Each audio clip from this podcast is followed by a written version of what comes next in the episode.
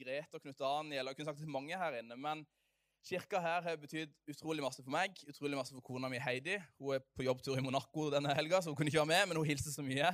Og um, vi har virkelig liksom fått blikket vårt festa på Jesus i denne kirka her. Vi har virkelig lært masse, og det har vi tatt med oss videre. Og det betyr utrolig masse for oss. Så kan vi ikke gi en applaus til Grete og Knut Daniel for, for det? Det er helt nydelig. Ellers så lever vi liksom de glade dagene oppe i, oppe i Østlandet, ut utenfor Oslo, på et sted som heter Eidsvoll. Som dere kanskje har hørt om, dere som går på skole og lært om grunnlovsbygda og sånne ting. Og eh, Det er en fin liten bygd, fint lite sted. Og så er vi så heldige å få lov til å være med og tjene en kirke som heter Hilsang, og er med i pastorteamet der. Og få lov til å se at ja, masse mennesker får lov til å koble sammen med Jesu hver eneste uke, og det er et privilegium å få lov til å være med på den reisen der. Og så er vi også med i Ny generasjon og får lov til å lede det. Eh, og får lov til å se masse ungdommer rundt forbi i landet og rundt forbi på kloden ta steg i troa si, og ikke minst koble sammen med Jesus for første gang. Det er et privilegium. Og Der er det veldig kult at vi kan stå sammen med kirka her. og Tusen takk for alt dere har betydd for Ny generasjon òg. Ikke bare for meg personlig, men for organisasjonen Ny generasjon i så mange år. At dere er med der og løfter den stemmen og husker på oss i bønnen og husker på alt det som ligger foran der òg. For det er en spennende reise. I dag skal jeg eh, egentlig hoppe litt sånn rett inn i det jeg tenkte å si. Men jeg tenkte før jeg skal liksom begynne å introdusere temaet, sånn, så, så lurer jeg litt på om det er noen her inne som av og til har vært i en setting der du har kanskje følt deg litt ukomfortabel. Kanskje en setting der du tenker at her må du liksom si ifra, for her er det noe som ikke er helt på line. her er det noe som ikke stemmer helt. Er det noen som har vært i en sånn situasjon noen ganger? Det har vi kanskje alle vært. Og så kan det godt være at du har kjent på en slags frykt. at liksom, Kan jeg si ifra? Kan jeg stå opp for det jeg tror på her? Kan jeg gi tilbakemelding? Hvordan kan dette her fungere? liksom? Og hvordan kan jeg gjøre det på en god måte? Og så jeg har hatt noen situasjoner i mitt liv der jeg har gjort det, og noen ganger har det liksom gått bra. Noen ganger har det gått litt middels, og noen ganger har det gått skikkelig dårlig. Uh, og dette her Historien som jeg skal fortelle nå, den, den er ikke så veldig åndelig, men det er en veldig, veldig fin historie likevel, som viser noe hvordan det av og til blåser ut av proposisjonene. For var For noen år siden så hadde jeg kommet hjem fra en jobbreise litt lignende eh, sånn som jeg er på nå. Kom tilbake til Oslo, som jeg kaller for hjem nå. Det er jo litt trist, men det er greit nok. Når jeg kom til Oslo, så var jeg utrolig sulten. og Så går jeg forbi en kiosk, og så ser jeg at det står 'Pølsefest. Alle pølser 25 kroner' på en plakat. Og Det var ikke som den plakaten den talte til meg. og jeg vet ikke om det var Gud som talte, eller bare sulten, men det var et eller annet som talte til meg skikkelig der. Og jeg tenker jeg skal inn der og kjøpe meg en baconpølse. Så kjøper jeg en baconpølse der, og hun som bak kassa, hun blir skikkelig fornøyd med at jeg tar en siste baconpølse sent på kvelden. Og jeg skjønner at det er et eller annet der som ikke stemmer med den pølsa. Når jeg tar et bit av den pølsa, så skjønner jeg hvorfor. For den var helt sånn seig og ekkel og funka ikke å spise den. Sikkert ligget der siden før krigen eller i hvert fall veldig lenge. Så tenkte jeg, det der funker ikke, liksom. Jeg er nødt til å si ifra. Jeg er nødt til å stå opp for rettighetene mine. Jeg, først var jeg litt redd for å gjøre det, så tenkte jeg at dette her skal de søren meg få høre om. liksom. De må høre om den opplevelsen jeg hadde. Så jeg skrev en e-post den kvelden som eh, jeg i etterkant angra litt på at jeg skrev. Det var en e-post som hadde liksom Grunnmuren var sånn, eh, men som var litt overdreven. og litt sånn, Jeg skrev faktisk i innledninga at jeg spiste en pølsestokk i går som kunne tatt livet av meg. Og Det er jo en litt sånn, litt drøy påstand, og det kan jo faktisk i verste tilfelle så kan vel det skje, men jeg tviler på at det er det som hadde skjedd. Og så, så skriver jeg liksom videre at dette her var en fæl opplevelse. Jeg håper dere kan gjøre det godt igjen. Morgenen etterpå så ringer en fyr meg fra 7-Eleven i Norge. og Så ringer han til meg og han sier at du, vi skal gjøre det godt igjen. Kan du komme tilbake til samme kiosk fem på halv fem i dag? Så går jeg tilbake der fem på halv fem, et utrolig konkret klokkeslett. Og når jeg kommer der, så blir jeg ført inn på bakrommet på den kiosken. Og dette er en sann historie. Og Der sitter der en mann med dressjakke på seg, en blazerjakke. Han presenterer seg sjøl og sier at han sitter i styret i 7-Eleven i Norge, og at han er flydd fra Bergen til Oslo for å snakke med om min pølseopplevelse. Det gikk liksom bare helt ut av proposisjonen i den klagemailen. Det var ikke sånn jeg hadde sett for meg at det skulle skje. Jeg så kanskje for meg at jeg fikk en uh, kupong i posten eller et gavekort. eller et eller annet. Men der sitter jeg med denne styremedlemmen som er flydd fra Bergen til Oslo for å snakke med meg. Og så blir, blir klokka fem på halv fem, og da kommer det inn ei dame med et brett med baconpølse. Og så sitter meg og han og gomler i oss baconpølse. og han klarte bare to, og jeg klarte tre. Men, men, det var en utrolig utrolig klein opplevelse som, gjør at, som har gjort to ting. Og Det ene er at jeg har aldri spist på 7-Eleven igjen i mitt liv. Jeg kommer aldri til å gjøre det. Og for det andre så har jeg fortalt denne historien til noen tusen mennesker i Norge, så de har 7-Eleven fått god markedsføring i tillegg. Men, men, det er noen ganger at, den, at man overvinner den frykten, og så sier man ifra, og så kan det gå bra eller mindre bra. Min påstand her i dag er at alle de ønsker å forandre verden. Jeg tror at alle her inne ønsker å gjøre verden til et bedre sted. Dere ønsker å gjøre Lyngdal til et bedre sted. Dere ønsker å gjøre denne kirka til et bedre sted. Og så vet vi ikke alltid hvordan vi faktisk skal forandre verden. Hvordan vi kan være med på det. Ikke sant? Vi har, vi har lyst til å liksom forandre ting. Vi har lyst til å være med på det som Gud gjør. Vi har lyst til å være med på hans oppdrag. Så vet vi kanskje ikke helt hvordan det faktisk kan se ut. For ofte så er det å forandre noe det kan være forbundet med ganske mye frykt. Det kan være forbundet med mye frykt i forhold til at Tenk hvis jeg sier noe galt, da. Tenk hvis jeg representerer Jesus på en måte som ikke er bra nok. Eller tenk hvis jeg sier noe jeg ikke burde sagt, eller gjort noe jeg ikke burde gjort. Tenk hvis jeg eh, løfter liksom, flagget litt for høyt og er litt for tydelig med troa mi på jobben eller skolen min. Og så blir kanskje folk litt sånn, de trekker litt avstand fra meg, og så skal jeg faktisk henge med dem kanskje tre år til, eller helt til jeg slutter på den jobben eller det studiestedet. Og Så blir man stressa over det. og så gjør det ikke den frykten hjelper oss til å ta nye steg, men det gjør heller at den frykten gjør oss passive. Den frykten gjør at vi kanskje ikke tør å gjøre de tingene som Gud har kalt oss til, fordi vi blir redde. Vi blir redde for hva som skal skje, hvordan reaksjonene rundt oss skal bli, og hvordan vi sjøl skal reagere på de tingene som ligger foran oss. Jeg tror derfor at jeg skal snakke i dag om å ikke frykte. Frykt ikke. Det er et ord og et vers, det er mange vers i Bibelen som taler om det. Det er faktisk over 365 vers i Bibelen som snakker direkte om frykt. Én for hver eneste dag i året, og til og med et ekstra et for skuddår. Og faktisk så er det enda flere historier om det i Bibelen som fortaler passivt om frykt, eller litt indirekte om frykt. om Mennesker som opplever frykt, og mennesker som kanskje sliter litt med å plassere seg liksom, i det som Gud har for dem, fordi at de opplever frykt på en eller annen måte. Moses og Jeremia. Det er mange eksempler på, på helter fra Bibelen som faktisk opplevde frykt på et eller annet tidspunkt. Og som den frykten av og til kanskje kunne til og med gjøre de litt passive og litt utrygge på hva de kunne utføre sammen med Jesus. Og jeg tror at Hvis vi skal snakke om frykt, så trenger vi å selvfølgelig snakke om frykten, men så trenger vi å se på hvordan kan vi være med og overkomme den frykten i våre liv. Hvordan kan den frykten ikke bare bli noe som vi løfter liksom, ja, her er frykten min, men hvordan kan vi se at vi kanskje kan være med å deale med den frykten i tillegg? da? For jeg tror at Gud han ønsker å deale med frykten vår. Han ønsker å gjøre noe med den frykten vår. Sånn at den frykten kan gå fra frykt til frukt.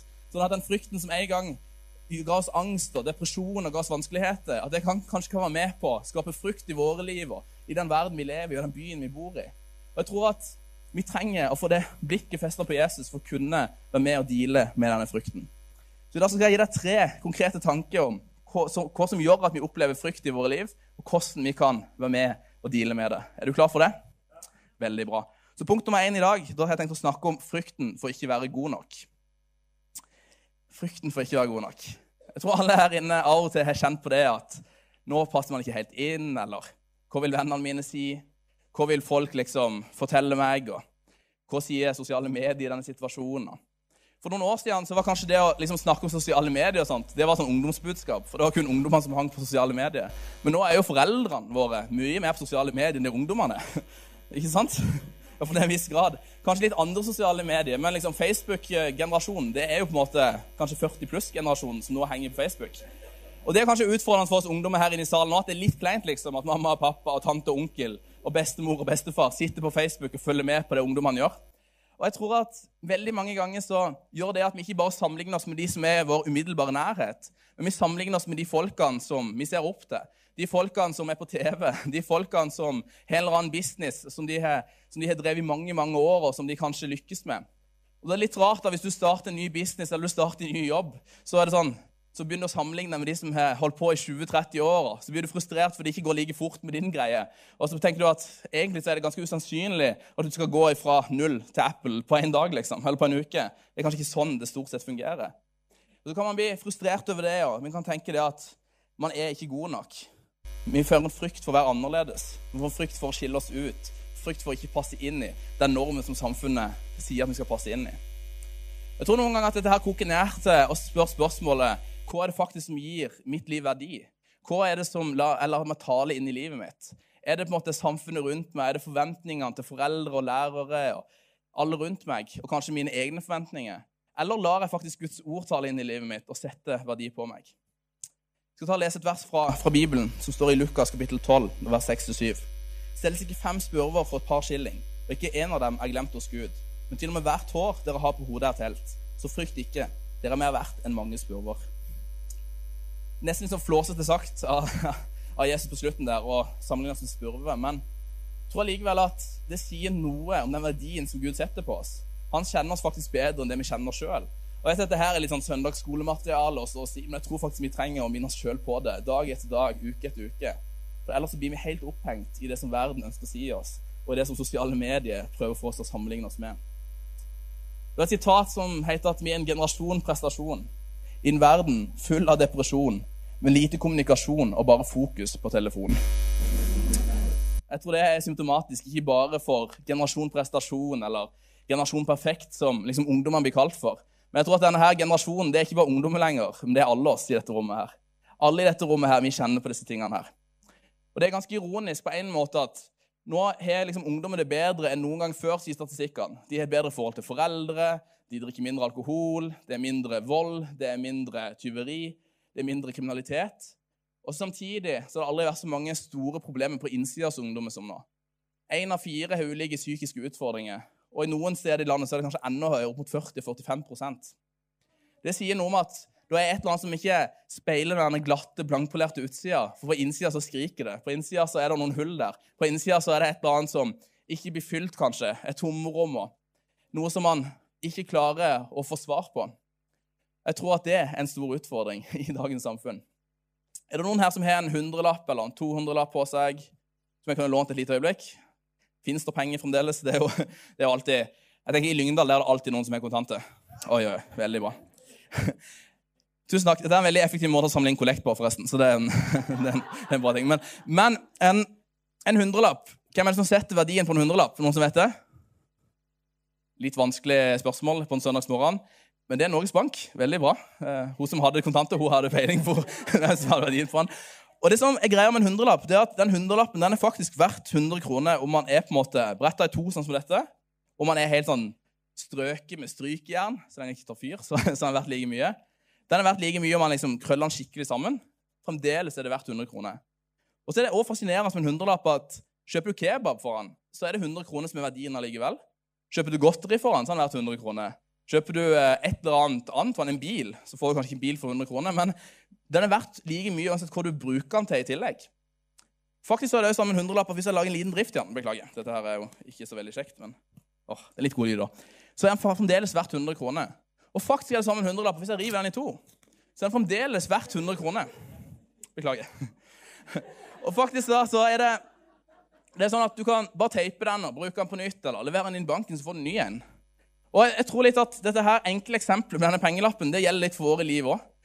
Hvis Gud har satt sin verdi på våre liv, så er det sånn at uansett hvordan livet ditt ser ut, eller hva vi har gjort med livet, hva vi har gjort som vi angrer på, eller hva vi har gjort som vi ikke angrer på, så er livet ditt like mye verdt innenfor Gud. Han er like glad i deg. Han har like stor plan for ditt liv. Uansett hva du har mesta med og ikke mesta med.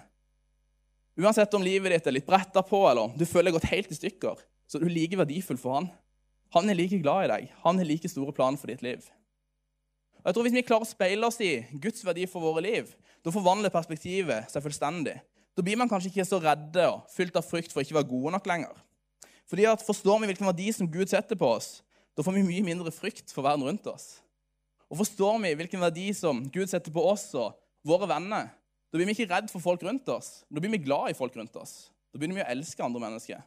Da begynner vi å elske andre mennesker sånn som Gud har kalt oss til å elske andre mennesker. Og Kanskje er det også sånn at da blir vi aktive og ikke passive.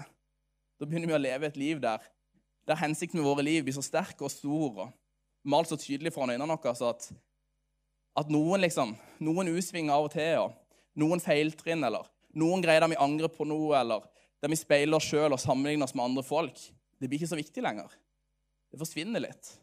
Det er andre ting som tar over den viktigheten i livet vårt. På en side så kan man kanskje si at i kirka så er ingen perfekte folk velkomne. No perfect people allowed, sier vi ofte i min kirke i Oslo. At det er det ikke ingen folk i vår kirke som er perfekte, er velkomne. Fordi at vi som står på plattformen og taler på søndagene, vi er sykt lite perfekte. Det er masse grums i mitt liv. Og det er der i alle våre sine liv. Og så På den andre sida kan man også si at pga. den verdien som Gud gir oss, så er vi faktisk perfekte innenfor, innenfor Gud. Pga. det Jesus har gjort for oss, så kan, så kan vi få lov til å ha den statusen som perfekte og som gode nok allikevel. Selv om vi egentlig ikke er gode nok i oss sjøl.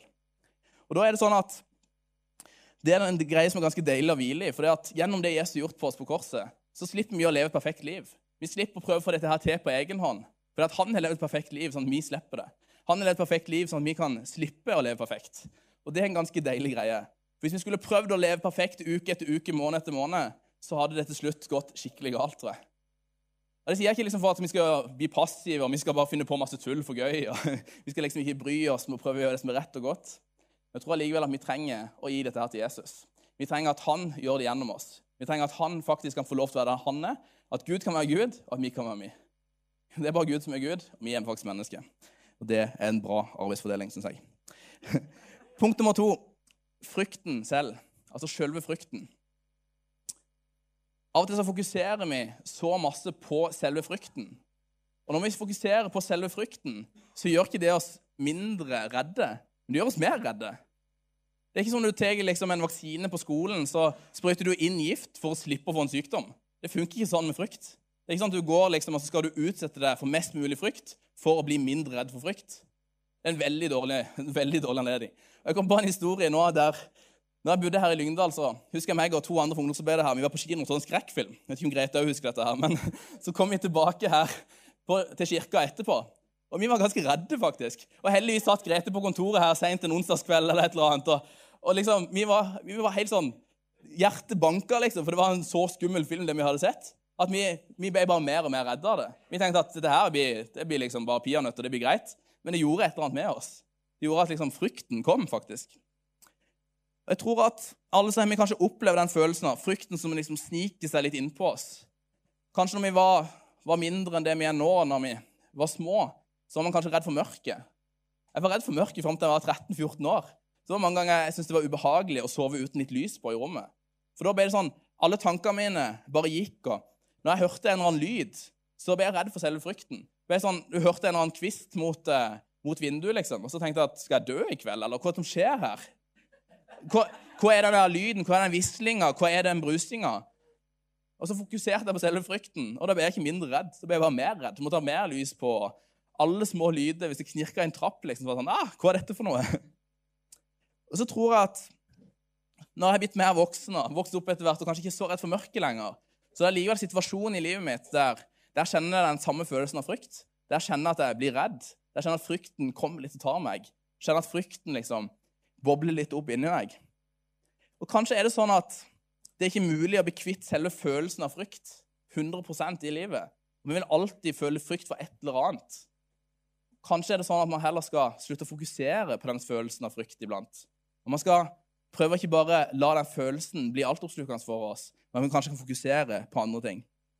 For mange ganger så, på av Bibelen taler så mye om frykt, at vi ikke skal frykte, så følte jeg meg ganske ofte når jeg møtte frykt, og når jeg møtte frykt, så kunne jeg tenke at jeg er en slags åndelig pingle som, som, blir redd. Som blir redd for ting. Som er redd for å opptre feil, eller redd for at det jeg har forberedt å si i en sammenheng, ikke er bra nok, eller at jeg ikke vil at Gud liksom ikke kommer til å gjøre noe, eller det ikke kommer til å skje noe. Så blir man, blir man redd for det. Og Da tror jeg at det er en god påminnelse til meg òg, kanskje en god påminnelse til deg òg, at faktisk så, så fokuserer man ofte for mye på frykten. Så fokuserer man kanskje ikke på hvorfor Gud sier 'frykt ikke'. Han sier 'frykt ikke', men hvis du skal forstå liksom, budskapet om ikke frykte, så tror jeg vi trenger å forstå hvorfor han sier det. Ikke bare liksom, hva han sier, men faktisk hva er liksom, hjertet bak til Gud da, for å si at vi ikke skal frykte. Og Det tror jeg kommer veldig tydelig fram i Jesaja. I kapittel 41 av vers 10 så står det 'Frykt ikke, for jeg er med deg'. Frykt ikke, for jeg er med deg. Og egentlig så Mange av de sangene som vi sunger i dag, de handler mye om det. De handler mye om at vi ikke behøver å frykte fordi at han faktisk er med oss. Da kan frykten få lov til å slippe tak. Jeg skal sitere Nelson Mandela, og jeg vet ikke helt Bibelen, men det er et bra sitat. så vi, vi kjører på. Han sier at 'jeg lærte mot ikke å fravær av frykt, men seieren over den'. Den modige er ikke den som, som, ikke føler seg redd, men den som beseirer frykten. Der tenker jeg at Det er en veldig bra påminnelse av sjøl at faktisk så slipper vi å prøve å beseire den frykten sjøl. Vi slipper å prøve å beseire den frykten i egen kraft, fordi Jesus har allerede beseira frykten for oss. Han har allerede beseira det onde. Han har allerede beseira frykten, sånn at vi slipper å være redd. Og Hvis vi kan leve et liv sammen med Jesus i det, så slipper vi å slåss mot den frykten på egen hånd, men vi kan la Jesus fighte frykten vår. Det du sår, det høster du. Så fyller du deg med frykt, så blir du ikke mindre redd, men du blir fylt av frykt og redd. Jeg tror heller at det er lurt å fylle seg med de tingene som gjør oss modige. Og Jesaja 43 igjen, den, den forteller litt om hvordan Gud er med når det er vanskelig. Hvordan Gud er med når vi blir fylt av frykt. Han sier, 'Frykt ikke, jeg har løst deg ut. Jeg har kalt deg med navn, du er min.' 'Går du gjennom vann, er jeg med deg. Gjennom elver skal det ikke rive deg bort.' 'Går du gjennom ild, skal den ikke svi deg, og flammen skal ikke brenne deg.' 'For jeg er Herre din Gud, Israels hellige din frelser.' 'Jeg gir Egypt som løsepenger for deg, Nubia og Seba til vederlag for deg.' 'Fordi de er dyrebar i mine øyne, aktet høyt og elsket av meg.' 'Jeg er mennesker i ditt sted.' 'Folkeslag til vederlag for ditt liv.' 'Vær ikke redd, for jeg er med deg.' Vær ikke redd, for jeg er med deg. Troa vår på Jesus, troa vår på at de umulige tingene faktisk kan skje og bli mulige, den vokser ikke der sikkerheten råder. Den vokser ikke der alt er trygt og komfortabelt. Den vokser ikke alltid når alle situasjoner liksom, alt er bare blankpolert rundt oss. Men Gud han benytter seg av risiko og, og usikkerhet, så vi kan lære oss å stole mer på Han. Vi kan lære oss å lene oss mer på Han i livet vårt og slippe å gjøre det i egen kraft. Jeg tror at tro det staves egentlig med, med fem, seks bokstaver, og det er R-I-S-I-K-O. Risiko. Det er en risiko i det. Vi trenger å gå i det ukjente. Vi trenger å sprenge noen grenser. Fordi at Gud, han, Gud begrenser ikke oss, men vi begrenser Gud ganske ofte. Ofte så setter vi Gud liksom inn i systemet og inn i en formel og tenker at dette er Gud. Og så er det kanskje vanskelig for Gud da, faktisk gripe inn i noen situasjoner i livet vårt fordi vi begrenser han. Vi begrenser hans kraft, vi begrenser hans kjærlighet, vi begrenser den som han egentlig er. Jeg tenker at Hvis du, hvis du er med på bildet, da, så er det en, så noen som sier Jeg studerte litt av dette her for en stund siden, bare for å liksom, få, det, få, det, rett. Så er det sånn at fugler, når de blir født, ganske mange fugleslaget, de, de vokser jo opp i reir. ikke sant? Og hvis ikke liksom, mamma og pappa-fuglen, de som prøver å oppdra de fuglene Hvis ikke de tar de med liksom, litt utenfor redet, så kommer de til å leve et vanvittig begrensa liv. Mange fugler lever faktisk bare noen centimeter, eller i beste tilfelle to-tre meter under redet sitt hele livet sitt. Fra de, fra de blir født og til de dør. Fordi at de ikke tør å ta risiko, og de tør ikke gå ut i det som er ukjent og litt skummelt. Jeg tror kanskje at det er noen her inne òg. At vi er noen her inne som av og til så tør vi kanskje ikke gå i det som kan virke litt skummelt. Det som kan være litt sånn når man kjenner at frykten kommer litt. For hva vil folk si hvis jeg tar det valget? Eller noe som kanskje er litt upopulært og ikke så trendy å gjøre i 2019. Hvis man velger annerledes, da, hvis man ikke passer inn i den normen som alle setter på våre liv, så kan det fort være at man tenker at oi, nei, dette her tør jeg ikke. Dette går ikke. Jeg holder meg i dette fugleredet. Men Jesus han har aldri kalt oss til å være en påskekylling liksom, som lever i det redet, som lever tett på det hele tida. Men vi skal være som en ørn, sier Bibelen. Vi kan faktisk bre ut vingene våre. Vi skal fly som ørnen. Og Da er det noen andre perspektiver som gjelder der. Det blåser faktisk av noen rammer og noen grenser. Det er ganske mind-blowing, eller hjerneblåsende, som ungdommen pleier å si, i våre liv. Vi trenger å sprenge noen grenser. Vi trenger å sprenge noen rammer. Mange mennesker kommer faktisk aldri ut i det som Gud har for livene sine, fordi de aldri utfordrer seg sjøl. De lever begrensa liv. De går glipp av muligheter fordi de lever svært begrensa. Tankene blir til hinder for dem, og de turde aldri å deale med selve frykten. Det er en britisk indamisjonær som heter William Kerry, som sier 'våg store ting for Gud, vent store ting fra Gud'. Jeg tror at det kan være nøkkel. Da ei jente som het Sofie, som, som hadde en nygasjonsgruppe i flere år på skolen sin i Drammen. Hun hadde så hjerte for å kunne vise andre mennesker hvem Jesus var. Men hun hadde ett stort problem, og noe som ble en frykt for henne. Det var at hun var alene kristen på skolen sin. Det var 900 elever på skolen, og det var ikke så lett for henne å være den eneste som trodde på Jesus. En dag så kommer der ei venninne til henne og sier til henne at du, det har skjedd noe tragisk i familien min. Kan du være med og be? Hun visste at Sofie trodde på Gud og tenkte at her er det bare bønn som kan hjelpe. Hun liksom, visste ikke hvor, hvor hun skulle søke råd. Og Så sier Sofie at selvfølgelig skal vi være med og be. Og er det noe annet du trenger hjelp til? Kan jeg, kan jeg være med deg på et eller annet? Er det noe din familie trenger, så bare si ifra. Sofie hun, hun bar for denne jenta, og det ble jo bedt for i forskjellige kirker både i Drammen og rundt forbi i Norge. Og så er situasjonen den at denne venninna til Sofie, broren, hadde havna i koma. Og Etter hvert så hadde legene gitt opp broren, for det så ikke ut til det var noe liv i han. Så ikke ut som dette her skulle funke. Så ut som det var over. Og Så kommer denne jenta tilbake på skolen to uker seinere. Hun er helt på gråten. Hun kommer bort til Sofie og så sier hun at Sofie, jeg vet ikke hvem du tror på, hvordan dette henger sammen, men det skjedde noe helt sprøtt for to dager siden. Broren min han våkna opp igjen. Broren min, han som legene hadde gitt opp og sagt at dette her, dere må bare ta farvel med han, han lever. Han er god igjen. Han er, liksom, han er snart utskrevet fra sykehuset. Det ser ut som alt skal gå bra med han. Og alt gikk bra med han til slutt. Og Så kommer Sofie og denne jenta i, i samtaler. De begynner å dele om troa på Jesus. Sofie begynner å fortelle om hvilken Gud hun tror på. Så gir hun Bibel, Bibel til henne. Først et nytestament. Et par dager senere kommer hun med en hel studiebibel som hun gir til denne jenta. Det som skjer er at denne jenta et par dager senere så kommer hun tilbake på skolen. Så Så har litt sånn dårlig samvittighet. Så sier Sofie, Sofie jeg beklager, jeg sovna i går da jeg skulle lese Bibelen, så, så jeg har bare lest halve Bibelen. Og jeg, jeg beklager, men det, det, ble litt sånn, det ble litt tungt der på et tidspunkt. Det var noen sånne slektstavler og litt forskjellig. Det, det, ble litt vanskelig for meg. Men, men jeg, jeg, jeg, skal prøve å lese resten i kveld. Og Sofie hun, hun var dønn ærlig og sa at du, eh, jeg har sånn bibelleseplan, jeg bruker ca. ett år på å lese halve Bibelen. Og hun bare Hæ? Leser du hele Bibelen på et halvt år? Hvordan kristen er du, liksom? Hun var helt der. Og så får de lov til å ha en god samtale sammen. Det som, det som skjer, er at denne jenta hun kommer inn i en kirke som Sofie går i, og får lov til å gi livet sitt til Jesus etter hvert. Hun får lov til å begynne å tilbe Jesus og løfte hendene sine i lovsangen og virkelig oppleve at livet hennes sitt går ifra et sted der det er fylt av frykt, til at det blir fylt av frukt istedenfor. Der hun ser at livet hennes begynner å bære frukt, at Gud gjør noe i livet hennes. Jeg synes Det er helt, helt nydelig. Og Det skjer også fordi at Sofie hun tør å våge store ting for Gud. og Da kan du vente store ting fra Gud. 2. Timoteus 1,7 sier at for Gud ga oss ikke en ånd som gjør motløs. Vi fikk ånd som gir kraft, kjærlighet og visdom. Så jeg tror at Sammen med Jesus så kan livet gå fra frykt til frukt. Det kan gå fra et liv som, til et liv som velsigner andre mennesker rundt oss, til et liv som er med på å forandre verden. Fordi at Gud han gir oss kraft, kjærlighet og visdom, og det beseirer faktisk frykten. Frykten har ingenting å stille opp mot det. Mot den fullkomne kjærligheten til Jesus så er frykten ingenting å stille opp mot. Jesus han seirer over frykten. Jeg skal ta, ta, siste punktet, og det er punkt nummer tre. Frykten for at det ikke skjer noe.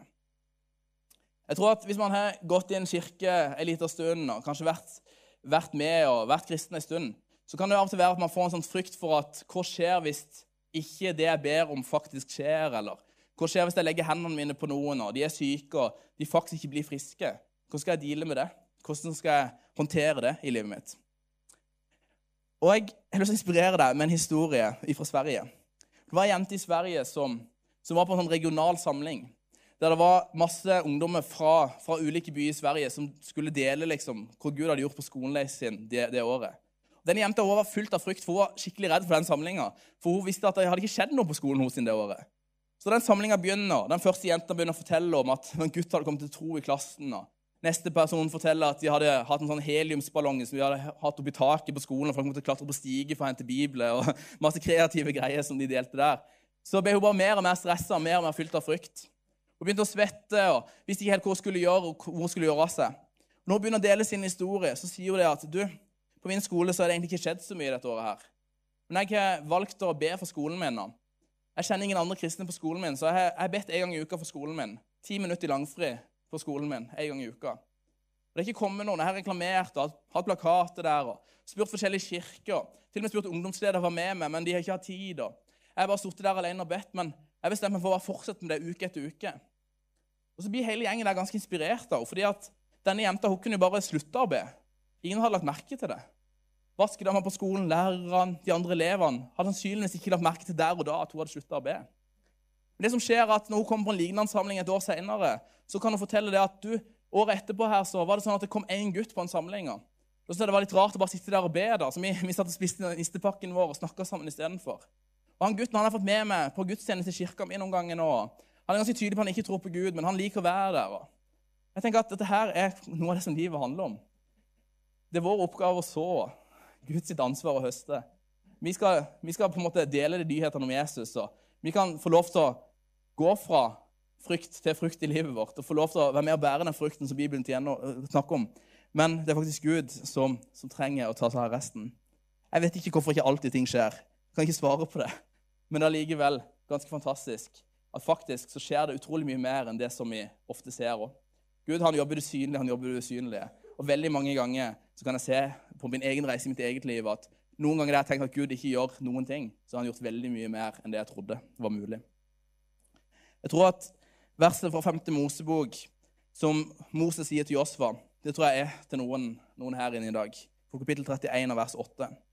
Herren selv skal gå foran deg. Han skal være med deg. Han svikter deg ikke og forlater deg ikke.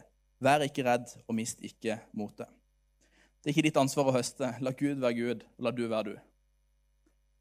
Lovsangstimen kan få lov til å komme opp. på. Jeg skal snart gå inn mot en avslutning. Men jeg har lyst til å Jeg vil egentlig avslutte preken min i dag med et stykke matematikk. Og Det er kanskje litt rar måte å avslutte en preken på, men, men veldig mange ganger så Hvis du har en lignelse da, der du har en million på den ene sida av lignelsen, og den millionen symboliserer Gud, og så på andre tall, tallet av det gangestykket så har du null. Hvis det symboliserer oss og våre initiativer, så blir det sånn at uansett hvor du ganger med en million, hvis det tallet er null da på andre sida, så blir faktisk svaret null. Men hvis vi gir et bitte lite initiativ, hvis vi gir Gud bitte litt å jobbe med, liksom 0,1 Sånn at 0,1 ganger 1 million det blir et flipping stort tall. Det blir 100 000. Jeg tror at det sier noe til meg og sier noe til deg om at når vi gir Gud livet vårt, når vi gir Gud de tingene vi i hendene våre, om det er lite eller stort, så er det sånn at han kan bruke det, og han kan gjøre det mye større enn det vi klarer å fatte, drømme om å forstå. Gud han ønsker å forandre verden. Han spør om du vil være med. Det ser kanskje ikke alltid ut sånn som du, sånn som du drømte om. Kanskje det er litt annerledes ut.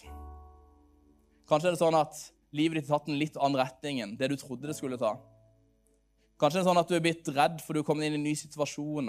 Kanskje du starter en ny jobb denne høsten, eller noe er nytt denne høsten. Kanskje barna dine eller barnebarna dine begynt på nye skoler.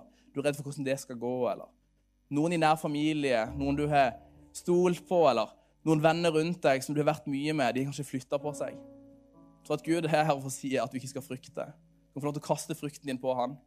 Når vi kaster frykten på han, så går faktisk livet vårt, tankene våre, fra at vi frykter, der vi heller kan kjenne på fred. Vi kjenne på hans fred. Hans fred som overgår all forstand. Han som er alfa og omega, begynnelsen og enden. Han bryr seg om deg. Han har framtid for deg. Han har håp for ditt liv. Så hvis du har mulighet til det, så kan du reise deg opp på føttene akkurat nå. Nå skal jeg be en bønn for deg. Jeg skal be en bønn om at vi ikke skal, ikke skal være en generasjon og en kirke som, som, frykter verden rundt oss. Vi skal kunne være frimodige. Vi kan stå, stå, opp for det vi tror på, og være tydelige med det.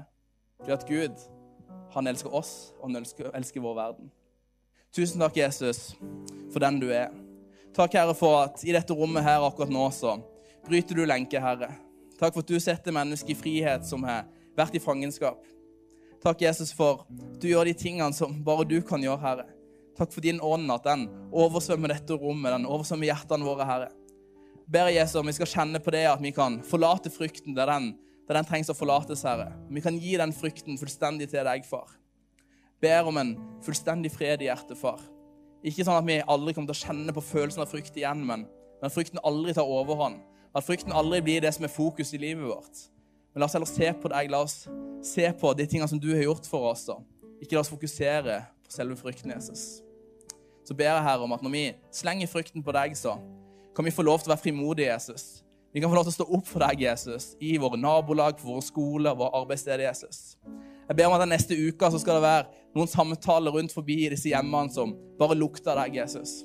Noen samtaler der mennesker som kanskje aldri hørt om deg, eller som ikke har vært tett på deg tidligere, far, som kommer nærmere ditt hjerteslag og det du har for de sine liv, far. Takker deg for de planene du har for oss. og Be her om at det du, det du starta, det kommer du til å fullføre, Jesus. Jesu Kristi navn. Amen. Amen. Jeg klarer aldri å preke et sted uten å gi en anledning til å koble sammen med Jesus for første gang. Jeg tror at det er mange valg man kan ta i livet, men det som er det aller viktigste og beste valget å ta, det er å gi livet sitt til Jesus. Jeg gjorde det 16. februar 2008. Satt jeg på en benk langt bak i, på høyresida her i salen. Det var et eller annet som falt på plass. Det var et eller annet som tenkte at OK, jeg vet ikke helt om jeg tror på Jesus engang, men let me try it. La meg forsøke dette her. La meg gi en respons, og så ser jeg hvordan det går. Den bestemmelsen den dagen den, den gikk ifra å være en ganske tørr beslutning og til å faktisk bli noe som, som jeg så at dette er sant. Det er ekte. Det er et liv der. Det er ikke bare fin etikk og moral og du og don't do, men det her er ekte. Jesus, han lever. Og han er glad i deg òg. Han elsker deg, han har en framtid for deg, han har håp for ditt liv. Kan vi ikke bøye hodet vårt et lite øyeblikk i respekt for de vi står ved sida av? Skal jeg lese et bibelvers, og så skal jeg spørre hvem dette her gjelder? I kjærligheten finnes det ikke frykt. Den fullkomne kjærligheten driver frykten ut. For frykten bærer straffen i seg, og den som frykter, er ikke blitt fullendt i kjærligheten. Vi elsker fordi han elsket oss først. Det er utgangspunktet for Guds kjærlighet. Det er faktisk utrolig at han som har skapt oss, han som har skapt denne kloden, han elsker oss. Han ønsker å ha med oss. Jeg skal telle til tre nå. Hvis dette gjelder deg, og du ikke har tatt en bestemmelse om å følge Jesus, men i dag så ønsker du å gi livet ditt til han, så skal du få lov til å rekke opp hånda di når jeg teller til tre. Jeg sier én at Jesus han elsker deg. Han elsker deg ikke bare, men han liker deg òg. Han er faktisk glad i deg. Han er begeistra for deg. Jeg sier to at det Jesus gjorde på korset, når han døde, når han sto opp igjen, det at han lever i dag, det, det gjelder ikke bare for noen utvalgte personer, men det gjelder for alle. Det gjelder for alle som går på denne planeten. Jeg sier tre at hvis det gjelder deg òg, hvis du vil gi livet ditt til Jesus, så slippe den frykten du kanskje har i livet ditt, da du kanskje har vært redd for Jesus, og redd for å ta det valget, så kan du få lov til å rekke opp hånda di nå. Jeg sier tre. Én, to, tre. Løft hånda di høyt opp hvis det er deg. Mm. Takk skal du ha. Er det noen flere? Nydelig. Ta ned hånda di og åpne opp øynene dine igjen. Og. Vil jeg bare avslutte i dag med, eller avslutte det jeg skal si, for vi skal synge sammen med med å be en trosbekjennelse sammen. Og Hvis du ber denne bønnen første gang, så ta kontakt med noen av lederne her. Ta kontakt med Grete eller Toril eller Dagfinn eller Bjørn Marie. Og gi beskjed om at du, jeg ba denne bønnen første gang. Så vil de hjelpe deg videre på veien og gi deg noen tips til hvordan du lever livet ditt sammen med Jesus. Da ber vi sammen. og Jeg ber en setning først, og så kan du be sammen med meg. og Hele kirka ber sammen. Så skryter vi av Jesus sammen. Det er alltid en bra ting å gjøre. Er dere klare? Veldig bra. Takk, Jesus, for at du elsker meg. Takk for at jeg kan komme til deg akkurat sånn som jeg er. Jeg tar imot deg, Jesus. Tar imot din kjærlighet og din fred. Fra i dag av Jesus så skal jeg være din, og du skal være min. I Jesu navn. Amen. Min applaus til de som ba den bønnen første gang. Det er fantastisk. Wow. La oss bruke dette neste øyeblikket nå på å tilbe Jesus sammen og løfte opp der han er. Jeg tror det er den beste medisinen for frykt. Det er faktisk bare å lovsynge Jesus. Det er faktisk bare å løfte blikket og tilbe han. Da skjer det noe i hjertene våre, da skjer det noe i livet vårt. Så la oss gjøre det sammen.